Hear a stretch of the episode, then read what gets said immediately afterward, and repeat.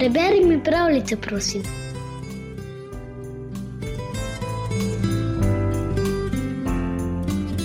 Asrat, prebrisani tat, je zahteval svojo pravico. In kralj, ki je slovel po svoji pravičnosti, je storil prav vse, da bi mu ustregel. Etiopska pravljica Kralj Fida pravični pripoveduje o tem, kako mora biti pravici zadoščeno. Ha, še dobro, da je to samo pravljica. Na zahodu afriške ravni je nekoč živel velik kralj, znan kot kralj Fida pravični. Ponosen je bil sam na sebe zaradi poštenosti, s katero je presojal zadeve. Nihče še ni nikoli slišal, da bi kdorkoli rekel le besedo proti odločitvi kralja Fide. To je bilo dobro, kajti kralj je že pred davnimi časi odločil, naj izženejo vsakogar, ki bi govoril proti njemu. Neke noči je v kraljevem mestu Tat Asrat poskušal vlomiti v dom bogatega trgovca in sicer tako, da je kopal luknjo v zid bogataševe hiše. Vendar pa je prav takrat, ko je bila luknja dovolj velika, zida padla v peka in udarila Asrata po glavi. Treščilo je, ko mu je priletela na glavo, in ni mu preostalo drugega, kot da je ranjen zbežal. Asrat je bil zelo jezen zaradi nesrečnega pripetljaja in naslednje jutro je odšel palačo kralja Fide, da bi se pritožil. A si noči, o kralj, je dejal. Sem vlamljal v hišo bogataša Paulusa, da bi ukradel kakšno malenkost.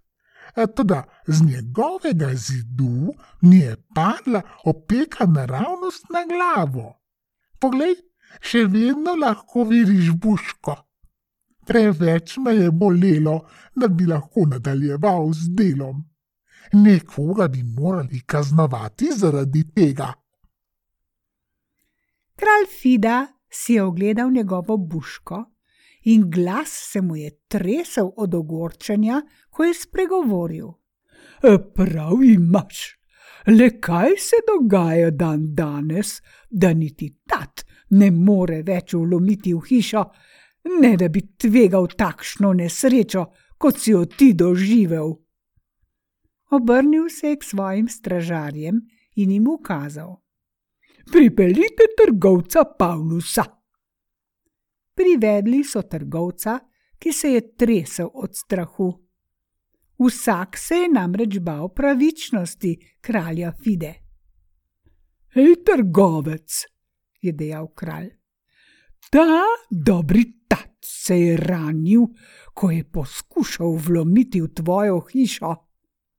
Ker je bila to tvoja hiša, sem presodil, da si ti kriv za njegovo poškodbo.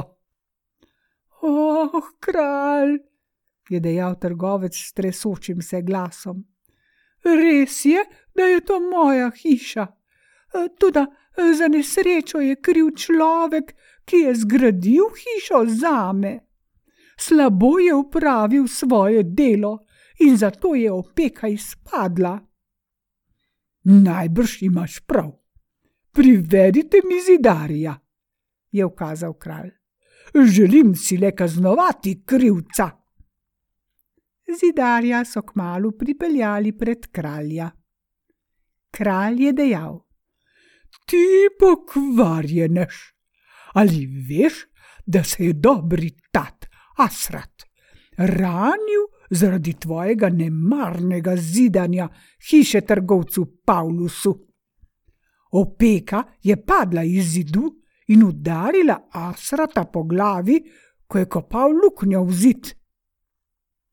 Zidar je skoraj omedlel od strahu, to da uspel je reči: Ah, kralj, resnica je, da sem jaz zgradil hišo.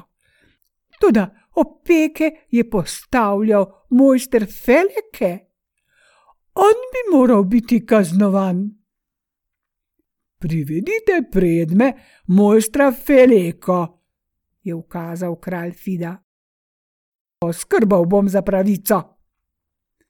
Tako so tudi mojstra Feleko pripeljali pred kralja Fido. Ko ga je kralj obtožil, da je kriv za ranitev tatu Asrata, je Feleke z grozo šepnil: Oh, dobri kralj, kazen za ranitev tatu ne zaslužim jaz. Človek, ki mi je prodal malto, s katero smo vezali opeke, je bil Kebede Gebre. Če bi bila malta dobra, opeka ne bi mogla pasti na tatovo glavo. Kebeda bi morali kaznovati. Kebeda so pripeljali pred kralja in kralj je dejal: Poslušaj, ti pokvarjenež. Ti si napravil malto, ki naj bi držala skupaj opeke, s katerimi so zgradili Pavlusovo hišo. Dobri Asrat jo je dobil po glavi z eno od opek, ko je poskušal ukrasti nekaj malenkosti. Opeka je izpadla zaradi slabe malte. Strogo te bom kaznoval zaradi tega. Nažalost je bil Kebede ogromen mož z veliko močjo, tudi z majhnimi možgani ni se mogel domisliti ničesar v svojo obrambo. Kralj Fida, prepričan, da je bil našel krivca, je ukazal, naj kebedo zaprejo v grajsko ječo.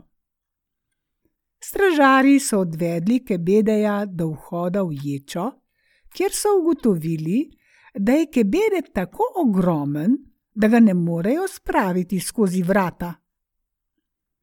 Povedali so to kralju Fidi pravičnemu, ki se je strahovito razjezil. Kako dolgo bo še krivec nekaznovan? je zaklical. Nekoga je treba kaznovati. Poiščite koga, ki je pravšne velikosti in ga zaprite. Stražarji so odšli ven in prvi mož, ki so ga srečali, je bil majhen kmet, ki je bil pravkar prišel v mesto, da bi prodal svoj pridelek čebule. Znano je bilo, da je bil dober človek, ki ni še nikoli nikomur nič zlega storil. Toda bil je majhne rasti in je odlično ustrezal v hodu v ječo. Kralj Fida pa je v palači zahteval pravico. Ko so kmeta pripeljali pred Fido, je kralj zaupil. Da, da, ne nadlegujte me s podrobnostmi. Odlično bo ustrezal. Dobri tat je že dovolj dolgo čakal na pravico. Izvršite torej kazen. Tako so malega kmeta odvedli v ječo. Ravno prave velikosti je bil za vhod, in pravici je bilo spet zadoščeno v deželi kralja Fide.